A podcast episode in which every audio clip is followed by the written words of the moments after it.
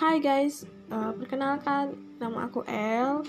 Aku di sini mau podcast tapi ya cuman nyalurin sedikit uh, keberanian untuk mengeluarkan unek-unek atau mengeluarkan seluruh keluh kesah seorang. Jadi di podcast ini random aku mau bahas tentang apa, baik itu tentang seseorang maupun tentang kehidupan seorang yang uh, toksik, kehidupan orang yang terjebak di zona nyaman, kehidupan orang yang nggak berani buat melangkah, bahkan orang-orang yang udah berhasil keluar dari zona nyaman orang-orang yang udah naik level, orang-orang yang udah lewatin batu loncatan. Di sini aku akan menceritakan semuanya dan semoga teman-teman tertarik. Uh, thank you.